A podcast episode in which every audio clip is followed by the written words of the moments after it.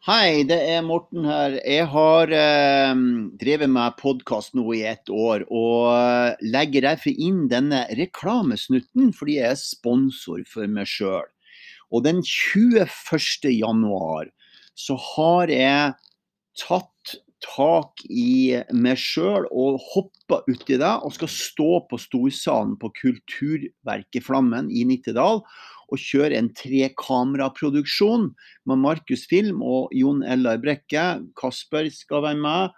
Og vi skal ha en livesending hvor vi har eh, spennende gjester. Og vi skal ha tre timer med transformasjon og endringsprinsipper som hjelper deg å sette nyttårsforsetter og intensjoner for 2021. Så du er hjertelig velkommen. Gå inn på mortennygård.no så får du se mer av hva den kvelden innebærer. Hjertelig velkommen.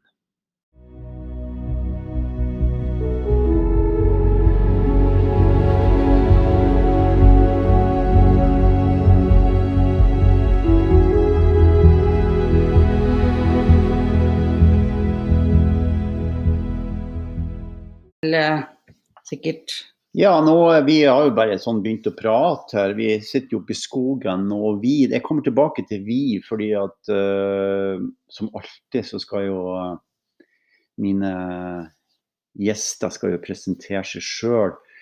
Og den gjesten i dag jo, står meg jo mitt hjerte veldig nært. Vi har jo kjent hverandre i mange år. Men uh, la, skal vi la det presentere deg sjøl først? Jeg får gjøre det da, Morten. Ja. Presentere meg til alle. Jeg heter Rigmor Galtung. Ja. Og jeg er 51 år. Eh, og jeg har holdt på med NM-metoden lenge. Ja. Eh, og jeg er en åtter. Det er så kult, for nå har jeg lagd mange postkaster som i det siste som ikke har vært så mye om deg. Nei, nemlig. Fordi at de folkene eller de hyggelige gjestene jeg har hatt, Ja. har ikke vite om det her. Men Nei. i dag tenker jeg det er så fint å, å, å, gå inn på deg også. Og en som har liksom bare En som har åtte. skikkelig peiling! Nei, det var vel mer jeg. ja, jeg er åtte. Men Ja. det ligger jo litt i din natur. Det ligger i min natur. Å være veldig bestemt og konkret. Og ja, det er ikke noe tull. Så, så, så si mer om deg. Ja, skal jeg si mer? vi, vi må jo si mer om Rigmor Galtung. Hvem, altså, det er jo sikkert halve Norge vet jo hvem du er, men det andre halve Norge må vi si hvem du er etterpå. Men først litt sånn, si mer om det der, for det var så interessant. Med åtte. Ja. Eh, åtte er jo den energien som på en måte er nærmest jorda. Ja. Så det vil si at man er veldig stødig på en måte. Ja. Eh, og at vi har en veldig sånn eh, Når det gjelder kroppen, så har vi jo et veldig sånt eh, Vi har et veldig nært forhold til kroppen, holdt jeg på å si. Altså, veldig kroppslig.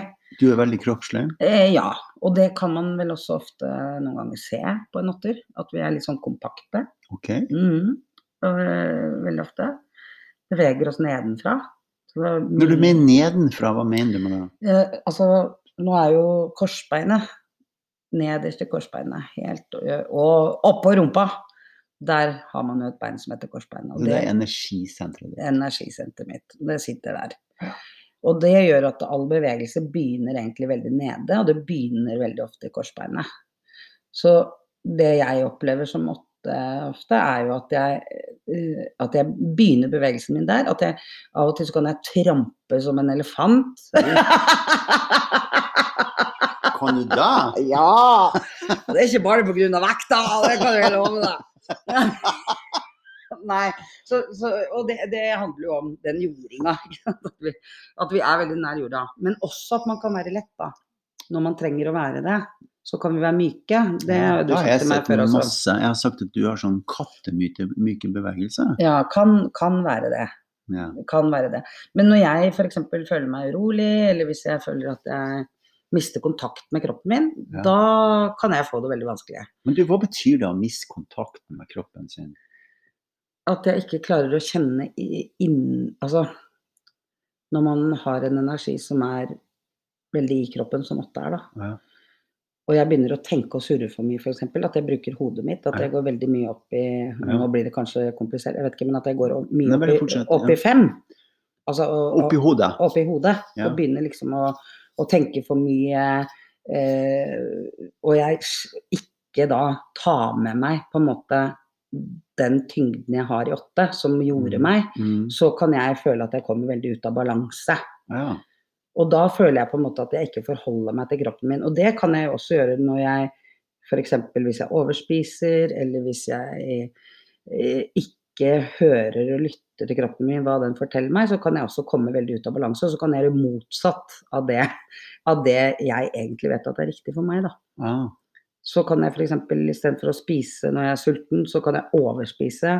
Hvis jeg Det har jeg hørt før noen som husker vi var på en samling en gang som ei åtte. Hun var prest. Hun sa at hun, hun fikk sånn oksehunger.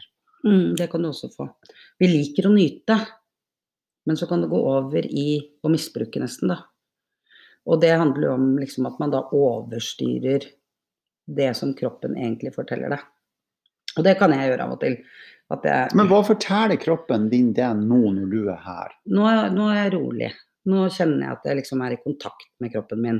Og det er jo også noe med å være her, det er ro, det er i skogen, det er god atmosfære. Og det er jo også noe som er viktig for meg, er å sette at det er en god atmosfære rundt meg. Ja. Det er sånne ting som gjør at jeg finner tilbake til meg. F.eks. naturen, eller f.eks. at jeg kjenner at jeg er trygg, at jeg at jeg, Ja, at, at jeg, og da får jeg ordentlig kontakt. ja. Mm. Og så får jeg også, fordi jeg har gjort dette veldig lenge nå, så kan jeg, hvis jeg blir urolig, så kan jeg på en måte gå inn i åtte veldig fort.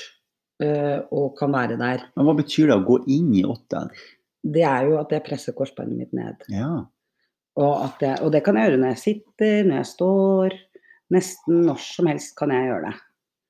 At jeg presser korsbeinet ned, retter opp ryggen, slapper veldig godt av i ansiktet. Og at jeg bare Der bruker jeg tankene, men at jeg fokuserer på at nå skal jeg kjenne kroppen, og at jeg er trygg.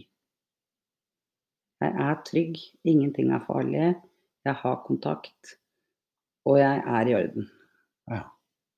Det, det kan jeg gjøre veldig fort. Og for å gå liksom kanskje litt sånn tilbake til hvem jeg er og hva jeg driver med, for da kan jeg fortelle hvordan jeg bruker det. Det som blir så fint med denne podkasten, er at jeg, jeg trenger ikke si noe. Kjør på! Jeg tar med en eh, Nå har tatt masse croissant. ja, Kjør på, Rigmor. den skal man nyte. Den skal man nyte. Jeg skal Ja. ikke spise den fort. Nei, du må bare nyte Ja, nå den. skal jeg Altså. nyte, skal jeg nyte Rigmor. For den er god. Ja, Ja. her er det stor nytelse. Nei, altså jeg er komiker, Mm. eh, og det har jeg vært i snart 30 år. Eh, og da sier det seg selv at man står mye på scenen. Ja. Så det har jeg gjort i veldig mange år. Holde foredrag og gjøre forskjellige ting. Men i hvert fall, jeg kan oppleve Hver gang jeg går på scenen, før Mhm. jeg går på scenen, Mm. så mediterer jeg i alle ni. Men det siste jeg gjør, er å presse korsbeinet ned, rette opp ryggen, stå i åtte kanskje. Og jeg trenger ikke å gjøre det så lenge, men jeg må dit. At jeg er i meg selv før jeg går på scenen. Det må jeg gjøre. Og det har blitt et sånt ritual for meg, at, fordi at da først er jeg ordentlig meg. Og det må jeg ha med meg. Og sånn var det jo ikke tidligere. Men nå også, hvis jeg plutselig blir litt sånn nervøs på scenen, det kan man jo bli, eller sånn, er det bare å trykke det korsbeinet ned, Så blir det rolig. så blir jeg rolig. Mm. Men jeg gjør det også med de andre, sånn som jeg bruker Enjad nå, da. Eller metoden Ja, ja, er jo at uh, av og til skal man tenke nå trenger jeg treerenergi. Ja. Nå trenger jeg fokus. ja. Nå trenger jeg å inspirere folk. Det kan jeg også tenke når jeg skal på scenen. Ok, nå skal jeg inspirere, være til stede, Mm. engasjere. Og da, da kan jeg prøve å åpne opp tre. Eh, og når jeg kjenner at jeg liksom er i det, og at jeg har fått konsentrasjon, at jeg har fått den derre nå, nå skal jeg spre glede, nå skal jeg inspirere, Mm. Så kan jeg kjenne på det. Da trenger jeg det. Mer kanskje enn du trenger noen av de andre den dagen. Andre dager så tenker jeg nå er ikke jeg ydmyk nok. Nå er jeg liksom litt sånn på kykeliky, altså, eller at jeg ikke er det. Da kan jeg f.eks. løfte haka mi litt. Og så kan jeg se på alt som er vakkert, og se meg rundt og tenke at nå får jeg inn noe nytt. Så du bruker kroppen din som et instrument til å kjenne etter Mm. hva du driver med for noe. Ja, og hva jeg trenger. Ja. Trenger jeg i dag å ha fokus? Trenger jeg i dag å Også nå sitter jeg og skriver på en ny forestilling, og da er det også sånn noen ganger så tenker jeg at eh, da trenger jeg sju. Oh, ja. Jeg må la det gå det som må gå. Det som ikke fungerer, det må bare få lov til å gå. Mm. For sju, det handler om å la ting dø ut, og så handler det om å være visjonær. Mm. Og at ting kommer til deg når du ikke Når du bare lar det som du kjenner at det er feil, bare lar det gå. Også at, jeg, liksom- at du setter fokuset, det ligger jo i panna. Et tredje. Og at du liksom da holder Hvis jeg klarer å holde på den ganske lenge, så kan plutselig ting komme. At du ser ting i bilder. Og at jeg på en måte har lært meg å stole på det. For det gjorde jeg jo ikke i starten. Eh, Men, men det å lære meg å stole på det, og se at det faktisk virker, da. Se, at du stoler på at kroppen forteller deg hva Ja. du skal gjøre. Ja. I forhold til hvor du legger energi hen, energien hen. Hvor du har fokus i kroppen på de forskjellige ni Mm. Ja. okay. Riktig. Det er litt sånn jeg kjenner på. Og det, det har um, Det har liksom blitt nesten en sånn En veldig viktig del av meg, faktisk. Men det her er jo veldig spennende, fordi nå, du, nå, nå gikk du rett på, og så forklarer du om det her som er utrolig viktig, og jeg er veldig glad for at du gjør det. Um, fordi det er så godt å høre noen som har trent på det her i mange år, bare si sånn er det. Uh, dette her virker, dette kjenner jeg i kroppen min. For meg i hvert fall så virker det. Ja, ikke sant? Mm. Og så sier du men det har ikke alltid vært, vært sånn. Hvis vi Fordi denne podkasten handler også om bevissthet og transformasjons- altså endringsprosess. Jeg er veldig Mm. opptatt av de som har gjort en veldig stor endring i livet Mm. sitt. Mm. Så hvis vi går tilbake til eh, begynnelsen av eh, Rigmor sin eh, karriere, kan man kalle Ja, for det er 30 år du har snakka om nå. Mm. Hvordan var du da? Når jeg begynte, så var jeg jo veldig ung. Ja. Da var jeg liksom bare noen par og tjue. Ja. Nå er jeg 51. så det er klart at jeg hadde Det var Hvis jeg liksom skal gå tilbake igjen til hvordan jeg var da, så var det jo den der ungdommelige nysgjerrigheten, at jeg var mer eh, Men jeg var mye reddere. Det var jeg jo. Og, og, og det kan vi også snakke om sånn i forhold til min syke. Ja. Eh, for det vet jeg at eh, Vi kommer inn på det. Ja. Begynner, nå begynner jeg å notere ned ting vi skal innom. Ja, gjør det. Gjør det. Ting Ja. vi skal innom. Ja. Eh, men i hvert fall hvis du tenker transformasjon, så har jo den gått litt sånn i perioder. Så har man, når man er yngre, når jeg var, når jeg var yngre da, i hvert fall, så, så kommer man innom en del metoder. Jeg har gått til psykolog, jeg har gått til psykiater, jeg har eh, gått på kurs. Jeg har vært opptatt av veldig mange ulike ting opp gjennom livet. Og det tenker jeg at de aller fleste søkende mennesker, og mennesker som er sårbare, Eh, For jeg har nok alltid vært sårbar eh, og følsom. Ja.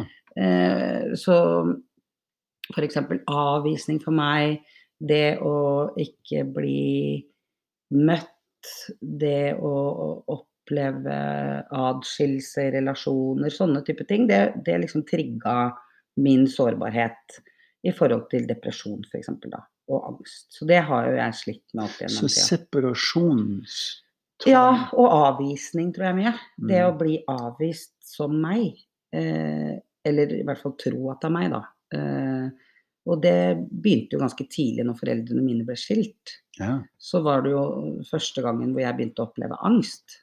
Eh, mm, at jeg fikk sånn panikkangst. Og det eh, tenkte etterpå at eh, jeg var jo egentlig veldig lei meg og veldig deprimert, tror jeg. Men, men når du er så liten, så har du liksom ikke noe Du blir ikke deprimert, vet du, for det er litt for komplisert.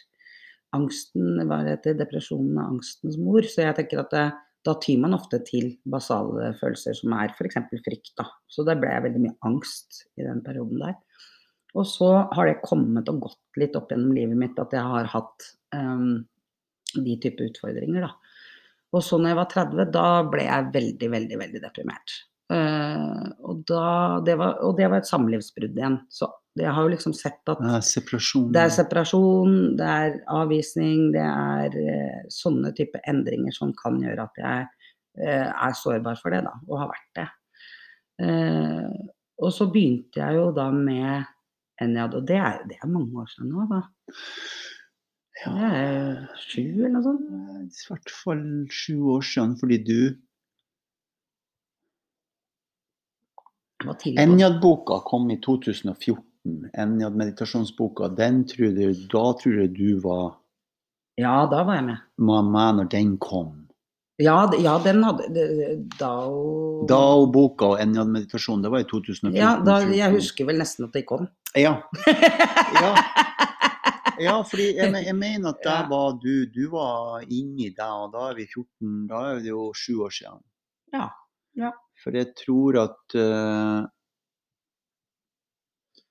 Jeg traff det igjen um, etter at jeg hadde skilt meg og flyttet til skogen i campingvogna. Jeg tror Mm. ikke jeg hadde truffet det når jeg bodde i Nittedal, i huset i Nittedal. Nei, det tror jeg ikke. Så jeg tror du, jeg traff det når jeg Ja, du bodde i en Jeg bodde i campingvogn. Ja. Ja, og da, for dit kom jo jeg i 12 13, det stemmer det, 14, det er sju år siden. Ja. Da vi regna ut da. Det var en lang ja, det var jo et veldig langt regnestykke i denne poden, vil jeg si. Å Bruke kraften på det. Nei da. Nei, men det er jo fint å vite litt hvor lenge man har holdt på, da. Men som sagt eh, Og så eh, oppdaget jeg jo liksom da litt sånn tilfeldig NJAD-metoden. Eh, jeg var med noen på et kurs hos deg. Mm. Og så Var ikke det på um, Det var på Kunsthøgskolen. Kunsthøgskolen, for da Ja. var jeg, underviste jeg disse Ja. elevene på Kunsthøgskolen i metoden. Mm. Det stemmer nok. Jeg husker jeg var oppe i noen sånne rom, noen sånne store vind. Nå husker jeg det, så kom du dit Mm. via noen. Ja. Men vi hadde jo truffet hverandre før. Det hadde vi i et helt annet liv. Både for deg og meg. ja, for da Da var jo Da var vi kjærester. Nei da. Nei da. Vi var Neida, ikke det, dessverre. Nei da. Nei, greia var vel du drev et sted, og jeg var der og gjorde standup, for det var jo den spede Dan. Turell var jo begynnelsen på standup i Norge, med han Jonny Jonny Kristiansen. Det var Jonny Kristiansen, Maja Løvland, Eddie Eidsvåg, Jon Skau og Rigmor Galtvik. Det var vi fem som var på en måte hele styret. Alt der. Så, så da vi begynte i 92, begynte vi med det. Hvor er han Jon Skau han nå? bor bor i Stavanger sammen med Eddie. Å ja. Mhm. Eddie Eidsvåg, ja. Så han Så holder til der spennende. Mm Mhm. Det kan vi snakke om etterpå. Ok, nå må vi holde tråden her. Dette er så gøy, vet du. Da har vi vært innom Ok, vi, bare for å oppsummere litt sånn. Vi, vi har vært innom at vi traff hverandre tidlig. Uh, og så traff vi hverandre på nytt igjen, og så begynte du med Enjad. Men jeg vil litt sånn tilbake til deg, alt det som har gjort at du har blitt den du er. Selv om du alltid har vært den samme. Ja. Mhm. Ja. Fordi du oppdaga i 30-årsalderen at du får angst. Ja, eller eller jeg hadde jo fra jeg var eh, Fra jeg var barn, så var det jo på en måte det at jeg hadde Det kom liksom hvert tiende år omtrent. Eh, og det samlivsbruddet, da, det gjorde jo at jeg på en måte Jeg gikk helt ned i kjelleren og fikk en klinisk alvorlig depresjon og ble lagt inn. Så jeg lå inne på psykiatrisk i seks uker. Og det var jo ganske tøft med en treåring og jeg ikke hadde noen mann, for det, han, det var jo bruddet. Eh, og så skulle jeg liksom klare å og Jeg var på toppen av karrieren min akkurat da. Så for de som er veldig unge, det er jo derfor de, ingen vet hvem jeg er der. Men, men da var jeg liksom på toppen av karrieren min, og så raste jo alt. Hele livet mitt bare raste jo sammen. Ja, for du var jo superkjent for å gjøre Arbeiderpartiets nummer én. Ja, ja da, men det er jeg. Jeg gjør det fremdeles. Ja. Nei da. Men eh, ja. Ja, jeg imiterte masse. Og Ja. var på TV, på radio, sto på Ja, du var masse på TV. Ja da. Ja, jeg, jeg, jeg var liksom egentlig der eh, og så på en måte smalt det, da, for å si det sånn. Men hvis vi, hvis vi, det her er interessant, Rigmor. Hvis vi sier du er dette, Hvis vi tar det før det breakdown, som vi kaller det. Mm, Du er på TV. mm, Du um, er i avisene. Du Mm. er stort sett overalt. mm. På radio blir Ja. Hvordan hadde du det da? akkurat på den akkurat da så hadde jeg det veldig bra. Um, for det, også det der å bli mamma for meg, det var, eh, det var liksom det, eh, det gjorde noe med meg som var veldig fint. Da hadde det liksom på en måte Da var jeg den jeg skulle være. Så jeg hadde en graviditet som var helt fantastisk. Jeg har aldri hatt det så bra. Jeg følte liksom at jeg kunne overvinne og conquer everything. Og så var det jo det også å være i en relasjon da, med pappaen til Ludvig, Mm. eh, hvor det var trygt og stabilt. Og jeg Mm. følte liksom at jeg både tok vare på og ble tatt litt vare på. Det var en veldig sånn trygghet, det også. Så, så i den perioden der, fra liksom jeg traff Lars, eh, da var jeg 26, så, så hadde jeg det veldig bra. Jeg var på Riksteatret, på turné der. Ja. Eh, og ja, nei, jeg hadde det egentlig Det er en sånn periode, 30-åra, eller sånn slutten av 20-åra, eller midten de, de var veldig fine. Ja. Det var faktisk en veldig, veldig fin tid. Og jeg følte vel også på en måte den derre suksessen og det der å, å få til å få anerkjennelse og sånn, det var jo veldig fint. Eh, og, og det opplevdes eh, Det er jeg veldig glad for at du sier. At, Ja. at, at det er fint. At det ikke Ja er sånn nei, det, det er noe annet. For det er jo det man av og til strever før. Ja. For, tenker jeg, hvis man har lyst til å stå på scenen, ja da, ja, ikke sant. Ja. så, så, så er det en del av Mm. måloppnåelsen, uten at det er et mål i seg sjøl. Nei da, men, men det er klart at det å bli anerkjent liksom, for det man gjør på scenen Men jeg, jeg var nok mer sånn øh, jeg, jeg gjør ting av andre grunner når jeg står på scenen nå enn jeg gjorde da. Jeg var nok mer opptatt av applausen og mer opptatt av andre og hva de ville synes og hva de tenkte og hva de mente. Men allikevel så hadde jeg det bra. Det er så vanskelig å Ja, nei, jeg, skjønner det. Ja, for det var liksom det føles veldig godt når du snakker om det. Ja, fordi jeg hadde det bra, Ja. Men jeg var yngre. Jeg var eh, Jeg, jeg hadde mye behov for bekreftelse. Ja. Rett og slett. Og, Og, det er jo fair. det, og det er fair. Jeg tenker at det er helt fair. At Ja. man eh, Det tenker jeg også er helt fair. Ja, så det tenkte jeg liksom. Ja, men jeg har det bra. Men eh, liksom alltid redd for premiere og alt. Å, er det bra nok og sånn og sånn. Så det, det var jo Men det kommer man ikke unna når man skal gjøre den jobben jeg gjør. Eh, For hvis ikke så kan du ikke stå på en scene. Hvis, ikke det, hvis det ikke betyr noe for deg, så kan du ikke stå der oppe heller. Og da er man jo alltid en redsel i Det er jo skrekkblanda fryd, selvfølgelig, når man skal gjøre ting som, som du utfører deg sjøl på, eller du Og spesielt kanskje som komiker, da. Hvis folk ikke ler, så er det ikke så moro, det. Så ja, nei, så nå har jeg holdt eh, Jeg har holdt veldig mye foredrag om psykisk helse, og da trenger du ikke å være morsom. Nei. Og det er nesten litt lettere på en måte, da, for da, da trenger jeg ikke at folk ler, liksom. Så det er litt sånn å, deilig. Da kan jeg bare Så det å, å Men jeg kjenner igjen det litt når jeg underviser. at Ikke at de skal le, men at de forstår hva jeg holder på med. ja, ja, ikke sant. Eller ja, eller ja. På en Ja, det blir Se, se om de forstår det. Ja. Mens det er jo mye mer brutalt, for det kan de bruke litt tid på å forstå det. Men ja. det er jo så brutalt med humor. Ja, det er jo sånn der og da. Og du er liksom ikke noe bedre enn din forrige forestilling, liksom. Så det hjelper jo ikke om du hadde en fin går, eh, dag i går. Det kan jo være helt uh, Selv om man sjøl kanskje blir mer trygg og vet at en forestilling er bra, plutselig så er det liksom lite publikum, eller så er det et publikum som uh, kanskje for deg oppleves feil, eller altså Så det kan jo være sånne ting òg. Som gjør at eh, en forestilling eh, det, Men der er det litt annerledes nå. Nå tar jeg ikke ting personlig lenger. F.eks. Hvis, hvis det ikke er for mange, eller hvis det er et publikum som er litt mer stille, f.eks. For, eksempel, for det skjer òg. Selv om det er humor, så kan, så kan det være det kan være ganske stille òg. Uten at de ikke syns det er gøy. Men de, også er det litt med at publikum også er forskjellig. Hvis det er stille, så er det vanskelig for noen å begynne å le. Altså, det er mange sånne ting da, som jeg ikke lenger blir så innmari redd for, da. som jeg var før. Jeg, da, da ble jeg veldig mye mer sånn kavete. At jeg kava og prøvde litt for hardt, og da ble det jo enda verre. Ja, ikke sant. Selvfølgelig. Men, og det handler vel kanskje nå om at ting er ikke så farlig. Mm. Det er kanskje noe med det. Ting er ikke så farlig lenger. Du dør ikke om du gjør en dårlig forestilling. Du dør ikke om ikke folk ler. Du dør ikke om Og det er kanskje det, da, når man har opplevd mye Opplevd en del som har vært smertefullt, så vet du liksom også at det Spennende, altså. Ja, at ja men da, da Det er ikke så mye som er farlig. Nei. Det kan gjøre vondt, og det er, kan være noe dritt, men det går over igjen. Sett det i perspektiv, så er det ikke så ille. Nei, ikke sant. Altså, det er sånn er, eh, Det er jo ikke noe å være redd for. Det er ikke noe gøy.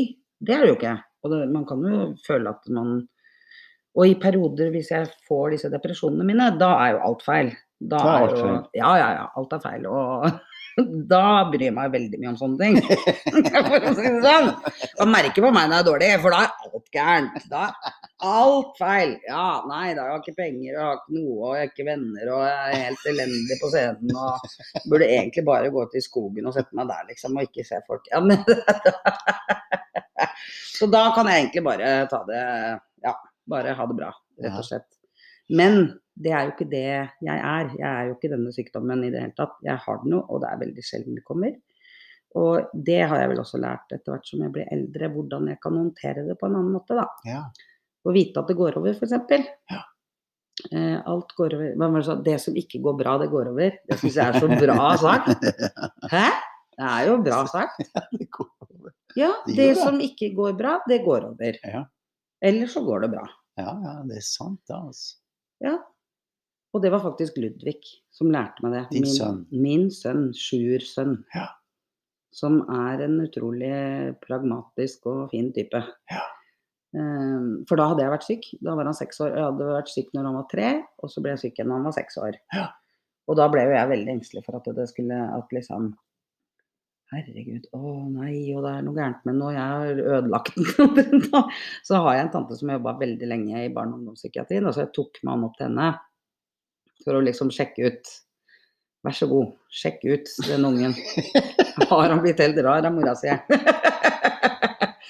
Og så fikk han lovnad om en is da når de var ferdige. Og så kommer de ut etter et kvarter. Blid og glad, han med isen og tante Liv og smilte fra øre til øre, da. Og så skjønte jeg at det var gått bra. Og så sier tante Liv du har en veldig, veldig klok gutt. Han har ikke tatt skade av dette, tvert imot. Og jeg spurte da, tante Liv, blir du sint på mamma når hun blir syk? Nei, men tante Liv, jeg kan jo ikke bli sint på mamma. Hun er, hun er syk, og det kan hun ikke noe for.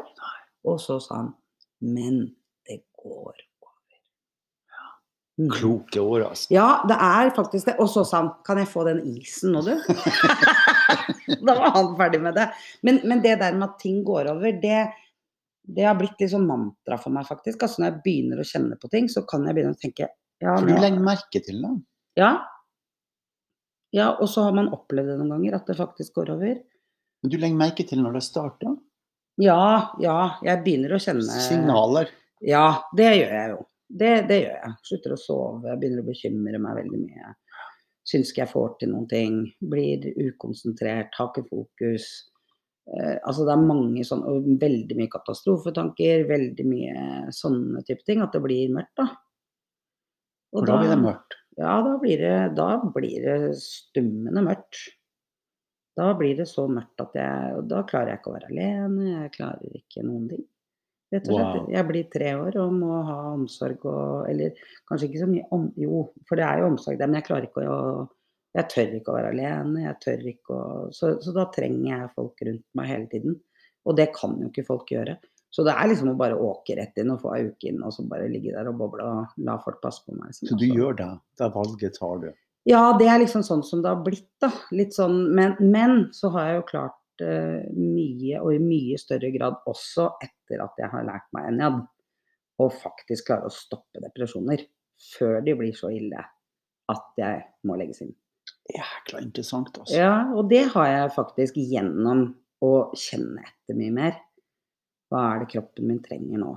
Så da det du altså før det Ja, jeg kan klare går det. ned i blindgata? Ja, jeg kan klare det. Ikke alltid, men, men, men hvis jeg liksom tar det tidlig nok, da. Og da er det de ordene Det går over igjen. Ingenting er farlig. Gå hjem og vær i åtteren din. Og kjenn etter hva kroppen trenger. Eh, mediter. Gjør de tingene som du vet at er bra for deg. Som tar vare på deg. Ja. Og når jeg klarer det, så, så, så kan jeg unngå kan jeg unngå å legges inn, rett og slett. Så det har skjedd noen ganger at jeg har klart det. Wow. Mm. Hm. Og det er veldig Og det er jo metoden i stor grad. Og livserfaringen på å stole på at det jeg kan, eller det jeg har lært, eller det jeg har internalisert både i kroppen min og hodet mitt nå, det, det virker. og så stole på at det virker, da. Du, vet du hva, Vi har allerede snakka en halvtime, og det er jo sånn med den podden her at han tar opp en halvtime av gangen. Så vi skal ta en kort pause. Så skal vi komme tilbake til når du var 30, for nå har vi snakka om det som var før, og så vi hoppa litt. Men skal vi komme tilbake til når du oppdaga det første gangen da du er rundt 30? Og så får vi med oss litt reisen videre. Dette er Jeg syns i hvert fall det er ekstremt spennende å høre på. Ja, bra.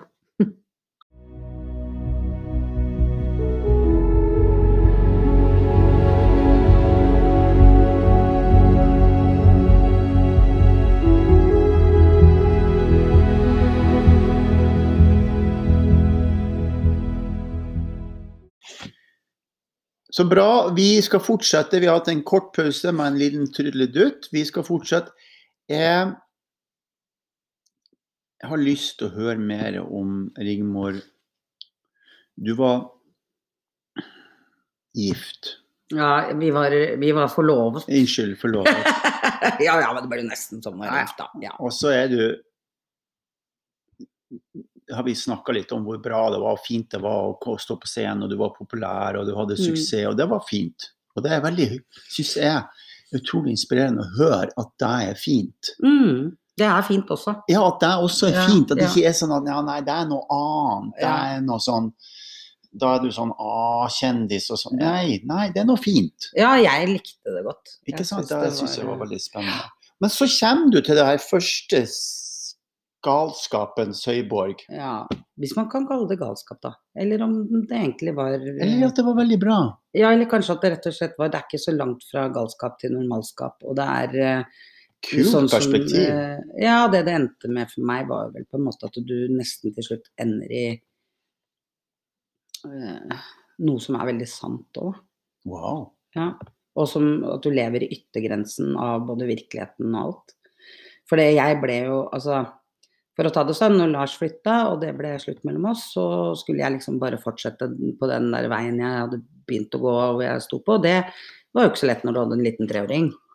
Og så hadde vi plutselig ikke noe sted å bo, og så ble alt egentlig bare veldig vanskelig. Og når du står på scenen, så er du på jobb på kvelden, og plutselig så var ikke alt så lett allikevel. Og så begynte det å mørkne, på en måte. Eh, hvor jeg begynte å få, få det vanskelig. Eh, og da begynte det med tunge tanker, eh, ikke tørre å være alene. Um, jeg ble bare mer og mer deprimert, rett og slett. Og da ble jeg ordentlig deprimert. Da var det ikke liksom bare den angsten som hadde vært følgesvenn, eller i hvert fall som jeg hadde hatt når jeg var liten og når jeg var 20. Da, da, da ble det ordentlig mørkt. Og det var jo egentlig litt reelt òg, ikke sant. Det er en sorg å miste et menneske du er glad i, eh, eller at vedkommende går videre og du sitter igjen forlatt, eh, føler deg bedratt. eh, og hele liksom måte min eksistens i forhold til hvem jeg var som Rigmor. Ikke hun på scenen, sånn, men meg Ja. som liksom mamma til Hjemme. Den, den Rigmoren, da. Følte jeg at bunnen datt ut, rett og slett. Ikke sant. Altså, og så var jeg plutselig alene igjen med et lite barn. Og da ble det etter hvert så ille at jeg, jeg slutta å sove, og jeg slutta å spise. Så jeg gikk ned 25 kilo på to måneder eller sånt. Og da sov jeg til slutt, så sov jeg ikke. Det var liksom kanskje en og en halv time sammenhengende på natta. Eh, og så var jeg veldig redd for dette her, som du sier, galskapens høyborg. Jeg var alltid veldig gal. Jeg tror det, det, det jeg har vært mest redd for hele mitt liv var å bli det man kaller gal. Eh, for hva er det? Jo, det er folk som løper rundt og er helt ute av kontroll og Jo, men det er jo det man Ja, kaller ja, ja, ja, ja, galskap, ikke sant? Jo ja, ja. Ja, men, og det var jo ikke den der var du redd for oss da, oppi det der. Ja, ja, selvfølgelig. Og jeg kjente jo Men det var jo det at jeg ble jo ikke gal. Jeg ble jo bare fryktelig, fryktelig, fryktelig deprimert. Eh, og vi bruker liksom det derre galskapsbegrepet veldig sånn på eh, Av og til på litt sånn gæren måte, føler jeg da. Fordi at det ble jo rett og slett Jeg ble syk. Jeg ble Man er ikke gal, man er syk. Ja, på en eller annen måte. Så er- altså, Trump er gal. Hvis jeg kan få lov å si det. Ja, Eller jeg, jeg, jeg ville si meg enig om. Eh, Ja, ikke sant? Eller sånn at man kan se ja. Ja. Og det er noe annet enn å bli så deprimert at du blir syk av det. Ja. Eh, og hverdagsdepresjoner og alt mulig sånt. Det, det, og, øh, sorg, smerte, lidelse, tap. Å ha det vanskelig i livet vårt, det er en del av å være menneske. Ja, det er en del av virkeligheten. Ja, og jeg tenker eh, dit kommer vi alle. Ja. Eh, og forskjellen på det og å bli syk av det, det er jo at da fungerer du ikke. Nei. Du klarer ikke å jobbe, du klarer ikke å ta vare på barna dine, barnet, barna dine. Du klarer ikke å du klarer ikke de hverdagslige tingene dine engang. Du tør ikke å gå ut, du tør ikke å være sammen med noen, du tør ikke å være alene. Selv om du ikke tør å være sammen med noen, så er det e- Altså, mamma var jo min største Hun sto jo der som en sånn påle i livet mitt, da. Og var der hele tiden. Og det, det er forskjellen, da. På Ja. å bli syk av det, og at man har livssmerte. Ja. For livssmerte opplever vi alle. Ja. Og der er det også en sånn forskjell på det. F.eks. når mamma døde. Hun døde for eh, snart ni år siden. Og det, da trodde jo veldig mange at jeg skulle bli syk av depresjon igjen. Men da opplevde jo jeg bare en veldig, veldig stor sorg. Og jeg ble ikke syk av det. For det var en naturlig sorg. Som var på en måte Som kommer til alle, og som, som ikke gjorde meg syk. Mm. Så den håndterte jeg. Men, mens hvis jeg liksom de Depresjonene mine, de arter seg helt annerledes. Mm. Og det, og, og det som skjer da, er, i hvert fall med meg, er jo at jeg liksom blir ute av stand til å fungere. Og den første gangen også da, så til slutt så endte det opp med at jeg ble psykotisk. Og det vil si at jeg var liksom en litt annen virkelighet, for da hadde jeg hatt det så jævlig så lenge. Og til slutt så hadde ikke hadde verken kroppen min, psyken min, ingenting hadde noe mer å var, Jeg var helt hudløs, helt naken, helt, det var ikke mer. Og humor, for eksempel, det brukte jeg veldig. Jeg sto på scenen to dager før jeg ble lagt inn, og klarte å gjøre det. For humor er sterkere enn fortrengning ofte. Men da klarte jeg ikke det heller.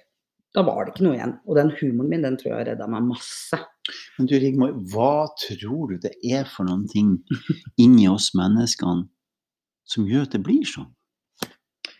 Der er, det, der er jeg jo litt sånn. Jeg hadde en onkel som hadde en bipolar lidelse. Mm. Onkelen hans hadde en bipolar lidelse. Jeg har fått det. Noe tror jeg faktisk er genetisk. Ah, ja. At man har en sårbarhet som ligger nesten i genene. Det tror jeg. Eh, akkurat som med annen sykdom. Noen Ja. mennesker tåler ikke alkohol. Eh, Nei, jeg tåler ikke det. Nei, nei men altså, man, man, er, man blir syk av alkohol, da. Mm. Altså, blir, eller alkoholiker, eller hva man kan si. Mm. Eh, noen får eh, Noen får epilepsi, noen Mm. får eh, Altså, men, men man vet jo ikke helt. Men jeg tenker at det, så genene våre, de styrer veldig mye.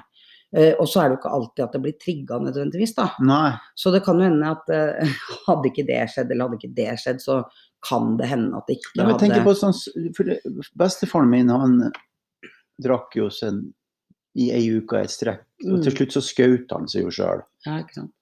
Og Mm. faren min jo, han skjøt seg ikke, men han drakk jeg vil si at han drakk seg i hjel. Så det ligger jo i Mm, I genene. Ikke sant? Mm.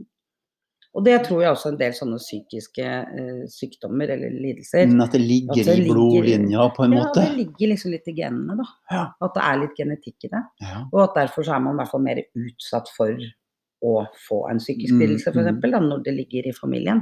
Du ser det veldig ofte. Med schizofreni, med andre typer lidelser, så er det veldig vanlig at man blir ikke overraska hvis man liksom Å ja, min bestemor hadde schizofreni. Ok. Oh, ja, sånn, ja. ja. Da er det kanskje Altså eh, så, så jeg tror det er det. Eh, og så tror jeg det er eh, at man er Noen er mer sårbare enn andre. Ja. Eh, Det tror jeg også. ja, og det, det er det jo ikke noe tvil om. Og, men sånn som jeg tenker også om min egen sykdom, som er da at jeg får depresjoner. Mhm. Men det gjør også at jeg har jo veldig mye energi når jeg er frisk. så har jeg- Det blir kalt liksom hypom, at jeg er hypoman. Men da husker jeg min tidligere psykiater sa det er ikke noe sykdom. Det er en del av personligheten din, og det er gaven din. Og det er liksom gaven ved at jeg får disse depresjonene, tror jeg også er den kreativiteten. Det er den livsviljen. Det er den fullstendige gleden. og- Alle kreative mennesker Ja. har veldig mye opp- og nedturer. Ja. Og hvis du leser tilbake i historien, Mm, altså Munch Du har, du har Ja, ja, x antall på deg som har voldsomme sånne svingninger, Svingninger, mm. hvor det Mm. er et enormt kreativt energinivå i Mm. perioder. Også dette og der tror jeg at dette er sånn som du også er opptatt av. Det handler jo om natur. Ja. Og i naturen så er det yin og yang. Ja, Har du liksom Det, det, det må bare være sånn. Det må nesten være sånn, tenker jeg jeg, Det kjennes litt godt ut å tenke på at det er sånn. Ja, egentlig så er det jo det. For det er en sånn pendel Ja. som slår ikke sant, Ja. borti eh, det tunge, og så slår den tilbake borti det lette igjen. ja. For jeg tenker hvis du ikke vet hva mørket er, så vet du heller ikke helt hva lyset er, da. Veldig godt sagt, altså.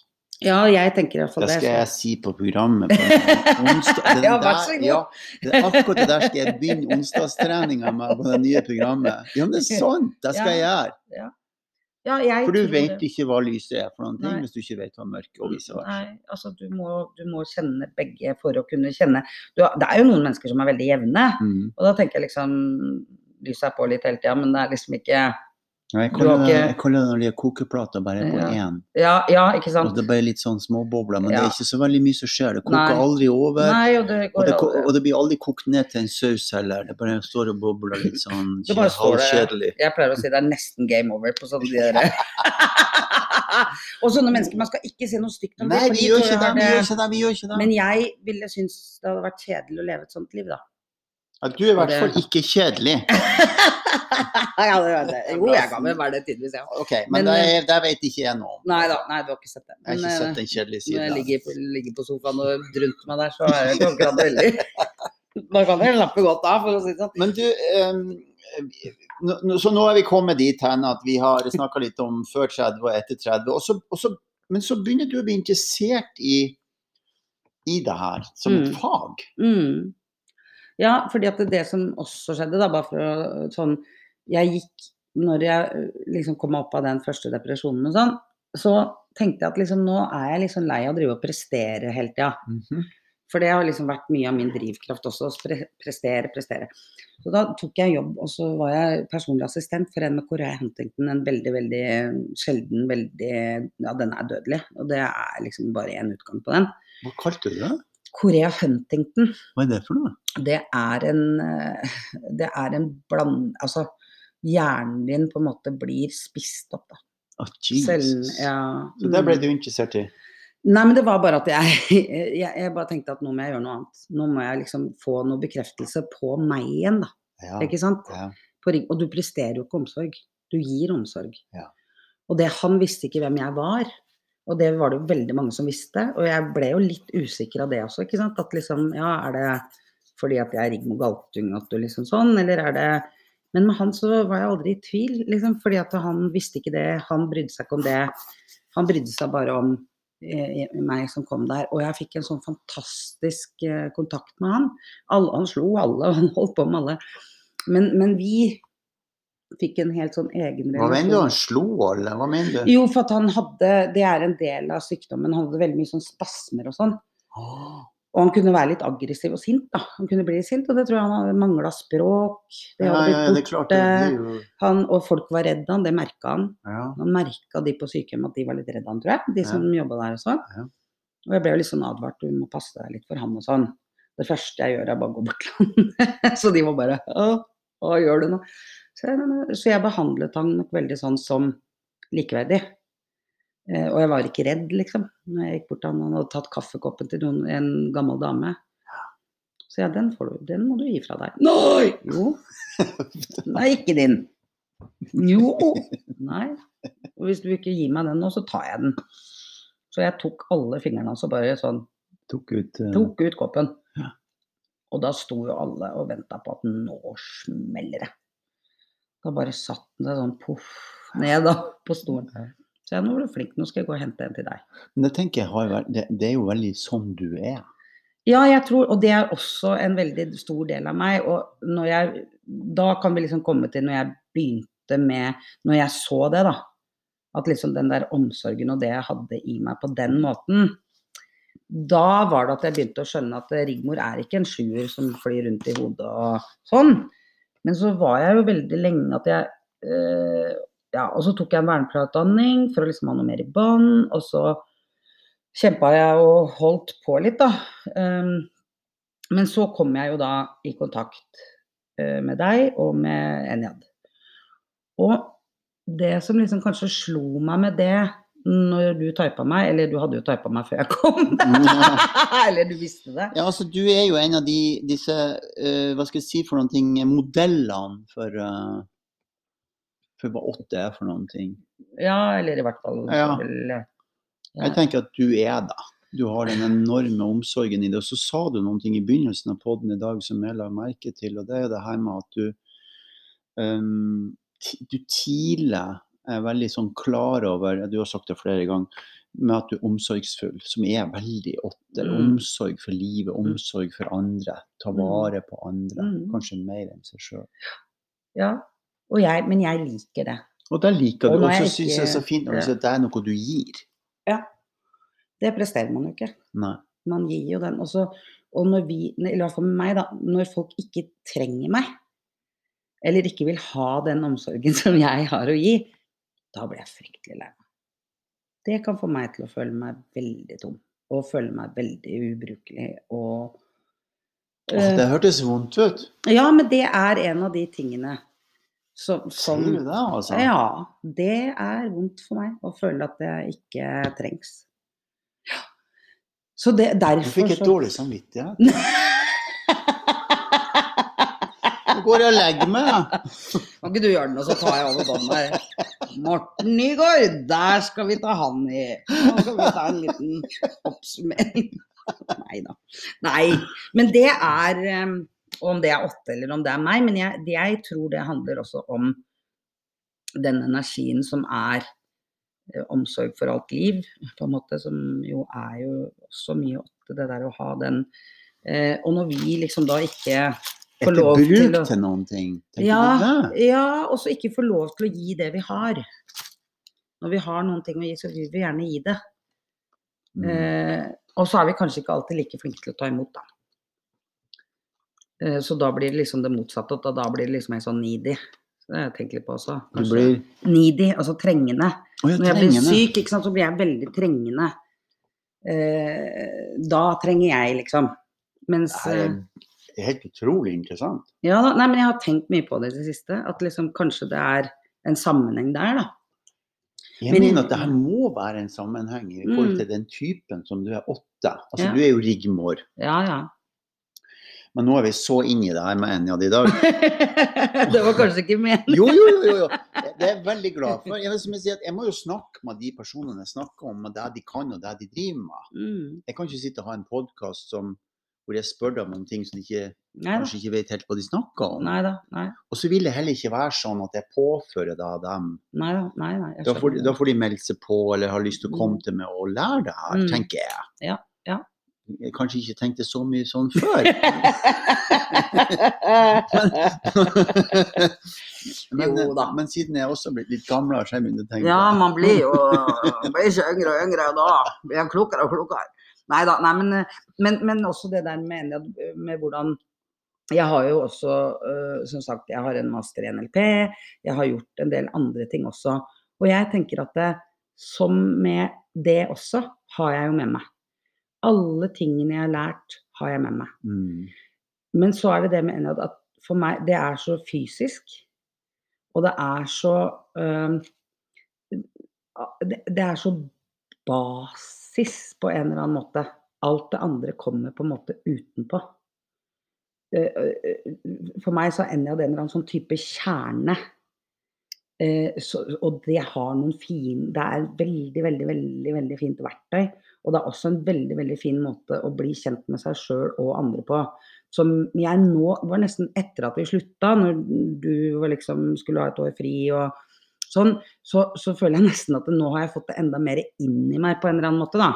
At nå, nå er det mye mer integrert i meg som Rigmor. Nå er det ikke liksom Nå, nå, nå, har jeg Jeg også brukt tid på Jeg tror vi alle trengte det. Ja, friminutt. Ja, ja, og litt sånn og, og, og, å, å bruke det selv. Ja. Eh, Sånn helt sånn Nå bruker jeg det. Men når jeg kom, husker jeg, så var jo jeg helt sikker på at ja, nei, jeg er sånn hodeenergi.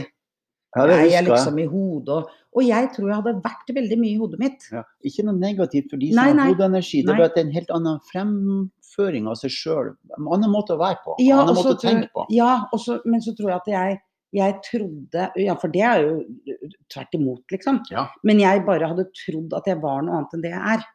Det stemmer. Jeg husker det nå. Ja. Husker jeg det Ja. veldig godt. For Ja. nå er vi tilbake i syv år tilbake Ja. i tid. Og, ja, og at jeg ble veldig overraska over at nei, men Rigmor, du er faktisk helt nede i kroppen, du. Du har liksom du, Kropp for deg, liksom, er egentlig det du er. Og da fikk jeg sånn Hæ? Men etter det så har jeg jo skjønt at jeg har jo vært ute av funksjon fordi jeg har gått rundt og ikke egentlig skjønt helt Ikke skjønt helt hvem jeg er. Jeg, jeg, dette er jo veldig sterkt det du sier. Jeg mener jo, og dette kommer jo sikkert mange til å tenke at nå prater dere bare tull, men la, jeg, jeg, jeg kaster meg utpå likevel. Jeg mener at du vet ikke hvem du er før du sjøl har kjent hvilken type du er, energimessig. Nei, og jeg Dette er jo litt farlig for meg å si, da, men jeg tror eh, heller ikke det. Hvis du først skal begynne med metoden, så eh, Og de- fleste Det er mange som ikke Men, men Ja, jeg tenker også det å komme hjem. Det var å komme hjem i meg selv, da. Ja. Det, og det var utrolig deilig. Det var veldig, veldig godt. Å liksom kjenne at eh, Ja, jeg er nede i kroppen, ja. Ja, egentlig så er jeg veldig jorda. Egentlig så har jeg trygghet. Egentlig så har jeg Altså Og at jeg har integritet. Ja. ja, du har en enorm integritet. Ja, men det hadde jeg jo ikke. Så jo mer jeg ble kjent med meg selv, jo større integritet har jeg fått. Mm. En av de tingene som jeg har sett i det siste, som jeg tror ikke jeg har sagt det her før, men jeg skal si det nå. Men det stråler altså kjærlighet gjennom din integritet. Mm. Ja, ja, det, Så det når du er flott, er trygg, og du er Mm. sånn som i dag vi sitter her i skogen, ja, du og ser hverandre i øynene og, og For det trenger jo du. Ja, for det trenger jeg. Ja, men, men ikke sant, eh, jeg ser mer på det enn du Men eh, anyway, da. For dette handler om det. Men vi er, to her, vi er jo to sammen her, da. Og det påvirker meg så mye med din tilstedeværelse, med din kjærlighetsfulle integritet, Mm. som du viser gjennom språket ditt, som du Mm. viser gjennom latteren din, Mm. og som du viser gjennom det som jeg sier til deg og har sagt i alle år, at det er en letthet i deg. Mm. Som er sånn Det er veldig lett, Mm. Ja, men veldig godt og trygt. ja. Og så kanskje det med så, hva er integritet også, ikke sant. At Ja. integriteten behøver ikke å være sinne, det behøver Nei. ikke å være bare fasthet eller Nei. hardt. Det behøver ikke å være det, da. Nei, det, det, det, det er, tenker jeg er feil. Det er Ja. ikke det det er. Nei, for noen ganger så snakker man om integritet som en sånn Bestemt, jeg er så bestemt. Ja, eller at man er sta, eller Men du er jo tydelig, da. Ja, og det er en del av Og det tenker jeg også er en del av kanskje det å bli både eldre og også Mm. vite litt mer at man vet at dette er ikke greit. Mm, Dette er greit. mm. Og at man Det er hvordan man formidler det som er greit og ikke greit, tenker jeg da. Um, jeg bare sånn Du, du snakker om dette med at han uh, amerikanske presidenten Trump er jo Han har alltid Ja, han har veldig sånn bestemthet i seg, da. Men mm. han bruker Det var det jeg skulle si i stad, som ikke jeg klarte å få opp av eh, hodet mitt. Men nå, nå fant jeg frem til det igjen. Det at det som er så fint med deg, det er at du viser dette med åtte ifra en plass som forteller så mye om hva egentlig åtte er. At du ikke skal separere, at du Mm. ikke skal dividere og dele opp. Mm. For det er jo nettopp det han gjør. Han, Mm. han deler jo landet, han Mm. deler jo alt. Mm. Han separerer jo ut alt. Alle er? Er de ikke enige med han, så er de drittsekker. Ja, ja. Mm. Og det er en form som ligger i åtte, som er grusom. Mm. Det er det mest manipulerende. Mm. Og så tenker jeg det er så fint å høre når du sa, for slo meg når du sa det i stad, Rigmor, at, at egentlig det verste for deg er separasjon. Mm. Når du ikke føler at du er Mm.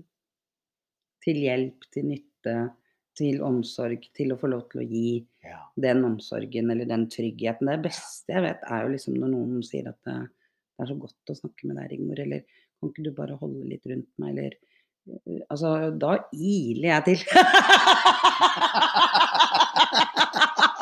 da iler jeg til! Ja, nei, men eh, Og det er jo kanskje ut ifra en eller annen form for egoisme, det òg, for jeg tror jo vi alle mennesker Jeg tror ikke det. Jeg tror ikke det. Nei, men i hvert fall at det er en sånn et, egne behov, da. Så jeg har sett det så mange ganger gå og gi noen en klem som trenger en klem. Ja, ja. Ja, det, det kan godt hende du også gjør det, men jeg har sett så mange ganger du har gjort det. Mm. Ja. Og du kommer veldig nedpå. Nå er det jo sånn covid, vi kan ikke klemme hverandre så mye. Gjør det av og til allikevel, Gjør hvis det er noen som trenger det. Du, um, vet du hva, vi skal hoppe litt, grann, hvis det er greit? Du vet hva, det er du som styrer showet her, så Ja. jeg bare Jeg Ja, ja, ja, er bare med. Jeg er ikke helt sikker på det. Men... bare si fra, vet du. Nei, dette vil jeg ikke prate om. Nei da. Du, um, Rigmor, du, du har flytta til Tønsberg. Mm, tenk deg det. Jeg har gjort motsatt av alle andre. De fleste når de blir litt eldre, så flytter de inn i leilighet fra hus. Jeg har gjort motsatt. Jeg flytta fra eh, leilighet i 30 år til Så Du har fått deg et veldig koselig, fint hus. Ja, veldig deilig. Og så har jo jeg sett på Fulgt med deg, det gjør jeg jo alltid. Og heia på deg. Og du har hatt flere show i hagen din i sommer. Ja. Og det, det var etter en Jeg hadde en depresjon, faktisk. Eh, Når covid eh, Da raste Og det da var var du i gang igjen. Ja ja, det har jeg vært i tre år nå. Ja, du har vært lenge i gang. Så har jeg vært i gang og liksom hatt show og Men da tenkte jeg også på det der med coviden. Da var jeg plutselig helt sånn separert fra folk. Altså det var ikke noe folk, du kunne ikke prate Og det for meg ble helt uh, det var fælt, altså. Men da, når jeg kom ut igjen av den depresjonen, det gikk liksom et par uker, da kom jo også kreativiteten, ikke sant. Og da begynte jeg å tenke Da begynte jeg å tenke litt sånn Nei, men eh, nå må jeg bare gjøre noe. Nå må jeg liksom bare gjøre noe. Nå må jeg eh, Og så begynte jeg å tenke Herlighet. Jeg har jo dette her fantastiske huset. Den der utrolig fine hagen min. Vi kan ikke ha mye folk, men allikevel, da. Ha folk hjem til meg. Lage sånn. Altså. Ha det hyggelig. Ja, og dette skal være nedpå, og dette skal være sånn. Og så, og så bare gjorde jeg det. Og det var mange som sa herregud, det er litt sånn, nå blir ikke det slitsomt, og du skal ha folk hjemme. Nei, vet du hva. Dette her er jo Det er koselig. Vi kan møtes litt. Folk kan sitte litt i kohorter. Vi. Og så inviterte jeg folk fra Tønsberg, eh, amatører eller sånn halvamatører, da, til å være med som gjester. Og det, også, det blei så fint, og det ble så gøy, og det var så avslappa hele greia, at det var sånn Åh, det, det var eh, Fordi også det kom så spontant, da. Så det var ikke sånn at jeg hadde veldig mye sånne Jeg hadde ikke noen sånne store ambisjoner med det. Jeg liker det. Ja, og det er det, og det er liksom Det er lenge siden jeg har hatt liksom sånn For nå skal jeg ha dette juleshowet, og så tenker jeg jeg må prøve å gjøre det litt på samme måten som jeg gjorde i sommer. Og da var det også veldig mye sånn Dette handler ikke bare om meg, det handler ikke om Og det er mitt show. Jeg ga veldig stor plass til de som var med, og det var kjempeviktig for meg å gjøre. Og de syntes det var så gøy å få være med. Eh, og det syns jeg også var kjempehyggelig. Jeg syns det var så koselig å kunne ordne med de og liksom Ja, nei, jeg kan hjelpe deg, og nei, og sånn. Jeg syns det var utrolig hyggelig. Og de sa sånn Det er jo så, det er så hyggelig. Og så var det sånn Rigmor, hva, hva Er det greit? Er det greit? Nei, men selvfølgelig er det greit. Mm, I like it, ass. Ja, nei, men, og det var en liksom sånn veldig sånn god det var blei, Og det ble så hyggelig, og det ble så koselig, og folk kom. og og så var det liksom det at dette er en hyggelig stund. Dette er, det var ikke liksom prestasjonen prestasjon på scenen. Liksom. Det var ja, vi har det gøy på scenen her. Jeg gjorde ting som jeg har gjort før. og sånn, og det, var, det også var sånn, ja men det er helt greit, da gjør vi ting jeg har gjort før. Det gjør ingenting. For dette er liksom hele opplevelsen. ja, ikke sant. sant? Hele opplevelsen. opplevelsen. Jeg skjønte Ja. det, at det hadde vært veldig bra. Ja, folk hadde det koselig, og vi solgte vin, og vi solgte kaffe og brus og Ja, ja, peanøtter. Å gud, jeg har så mye peanøtter! Å, jeg måtte jo kjøpe så mye peanøtter. Å gud a meg, altså, jeg har enda peanøtter igjen. Ja, har du til neste sommer? Nei, for det, de går ut på dato, vet du. Så de er snart ute på dato. Ja. Nei, men uansett så ble det i hvert fall en veldig sånn god følelse, en veldig sånn fin det blei det Ja, det, jeg har egentlig liksom bare fine ting å si om det. Det var så Hjemme hos Rigmor. fint. Ja, det var så fint. Og nå skal du ut på tur igjen. så tror du sier jo nei, det, nei, det var ikke det. det var kanskje ikke Nei, ja, nei, men nå skal jeg ha juleshow. Nå skal du juleshow. Ja, og Du gale jul. Eh, og så hadde jeg en forestilling før eh, i sommer som het eh, 'Syltynn, topptrent og dømmerlig'. Ja, den var jeg på turné med i trekvart år. Ja. Og så skal Og du på gale jul. Og du gale jul, ja. Så da er det ikke så mange steder vi skal, men vi skal gjøre noen forestillinger. Når du sier vi, Jeg skal ha med gjester, vet du. ja, hvem er det? Nå også. Nå er det Finn Schjøll. Han syns jeg er så artig, for han er, han er altså. Ja, og han, alle er sånn Hva skal han gjøre? Ja, men herlighet. Mannen er jo den kommer, jo. Han kan jo bare stille seg opp, han. Og, si, og, og så er han en utrolig spennende fyr som har levd og opplevd og kan og Han er liksom sånn kreativ gæren. Han er bare så artig og så hyggelig og rar og spennende. Så bare liksom det at han forteller en historie og lager en blomsteroppsats, det er liksom det han skal gjøre. Det. Men det er ikke bare. Fordi eh, det vet jeg som kjenner han litt nå, at det er ikke bare. Altså. Det er, han er jo liksom et eh, eventyr. Bare nå har det altså gått en ny halvtime. Vi må høre mer om det her. Jeg vet at du er flere på den eh, lista di som du skal ha med deg på tur. For Hører man noen flere av dem, kommer vi snart tilbake igjen. Vi er snart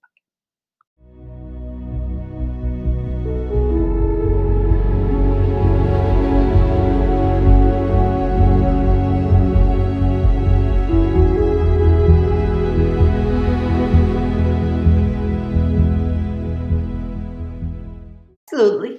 Absolutely. Vi er tilbake igjen i lag med Rigmor, eh, som skal på turné på Gale jul. Mm. Du snakker om Finn sjøl, og så skal du Og så er det søstrene Dora Toralsdottir og Bjørg Så artig. De har jeg lyst til å lage podkast med. Ja, men det får vi til. Og så skal jeg for første gang på 20 år stå på scenen med Rune Andersen igjen. Å, Og det gleder jeg meg så til, Altså, For vi... Rune Andersen. Mm. Rune Andersen. Rune, Rune. Han hadde Lykke Liten, den forestillingen om eh, Nettopp! Han, det er jo han som imiterer kongen og ja, Og Thorvald, han var jo spesialist Ja, ja, på Thorvald. Og vi jobba jo sammen. Det var jo den første suksessen jeg hadde, og det var jo før Ludvig ble født. ja. Så det var da jeg sto på. Det var da jeg sto og gjorde den største suksessen, egentlig. Og som også ble Rune sitt gjennombrudd. Så det var Rune, Rune og meg. Og nå skal vi gjøre det igjen, da. Han skal være med to dager i Oslo. Ja. Og det er liksom Jeg gleder meg. Og jeg, men nå har jo han liksom på en måte hatt en karriere som har For min karriere blei jo litt eh, det, Jeg har jo sakka litt akterut og tok jo mange år før jeg liksom kom meg tilbake igjen litt sånn på å kunne stå på scenen på heltid. Mm. Jeg hadde jo veldig mye foredrag og sånn. For jeg skrev en bok i 2010.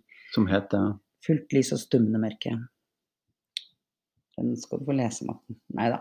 Men, men, men etter den, det så Den har jeg nå lest, har jeg ikke det? Jeg har vel fått den for det for Ja, lenge det siden. har du nå. men, ja.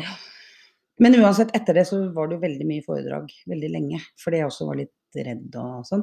Men, eh, men så, så nå er jeg liksom tilbake, og det er veldig gøy at vi skal jobbe sammen igjen nå. Så det gleder jeg meg veldig til. Så kult. Selv om det bare er to dager. Så blir det fint. Så da fær du rundt i Norge på kulturhus. Ja, men det blir ikke så veldig mye reising nå. Det blir mest i Tønsberg. Ja. Og så i Oslo og Stavanger, Trondheim og Lillestrøm. Så det, er liksom, så det blir ikke sånn veldig mange. Men det er jo ikke så lett nå heller, i disse disse koronatider. Når koronaen er over, da skal du holde på med det på fulltid? Eller du holder på med det på fulltid, men Ja. altså, da skal du ut og reise på turné igjen? Eh, ja, men da må jeg lage nytt, for dette er en juleforestilling. Ja, ikke sant? Så da Kanskje må juleforestilling liksom, i januar? Det er litt vanskelig. Jeg må spare den til neste år. Nei, men det er jo noe av det som er utfordringen eh, i livet mitt, er jo at alt er veldig ustabilt. Både økonomi, jobb, alt mulig sånt nå. Og da er det godt å kunne gå hjem til åtte og så vite det går over, og det ordner seg alltid. Og den der at det ordner seg alltid, det gjør det. Jeg har litt tro på det. Veldig kloke ord på slutten her. Det har jo vært det hele veien i podden. En utrolig spennende pod. Ja, men så fint. Jeg håper at folk som hører på, har fått noe ut av det. Men jeg syns i hvert fall mennesker som er interessert i det også. Og det er ikke bare det at du lærer mye om deg selv, men du lærer også om andre. Ja. Å møte hverandre i relasjon. For det er jo det alt handler om, er jo egentlig relasjonen vår til andre. Ja. Og det lærer man mye av. Det lærer man mye. Mm. Har vi, har vi fått med alt nå, Rigmor? eller Gud, det- Skal vi ta en time til? Hvis noen har spørsmål der ute, så kan vi ta en ny en. Nei da. Men eh, hvis eh, Jeg føler jo på en måte at det har vært veldig hyggelig å sitte oppe i skogen og prate igjen. Og, Veldig hyggelig. ja, så jeg føler at jeg ikke har så veldig mye mer å tilføye nå. Jeg syns det har vært kjempe, kjempe, Kanskje en annen gang? Kanskje en annen gang. Mm. Det, er- det er helt klart. OK, Rigmor. Ja. Tusen millioner takk for at du har kjørt helt ifra Tønsberg og opp i skogen her i Holtekollen og laga podkaster sammen med deg. Setter jeg veldig stor pris på. Ja. Og så var det veldig godt å være sammen med deg igjen. ja, så hyggelig. I like måte. Det var Ja. veldig godt. Og takk for at jeg fikk komme, da. Takk for at du kom.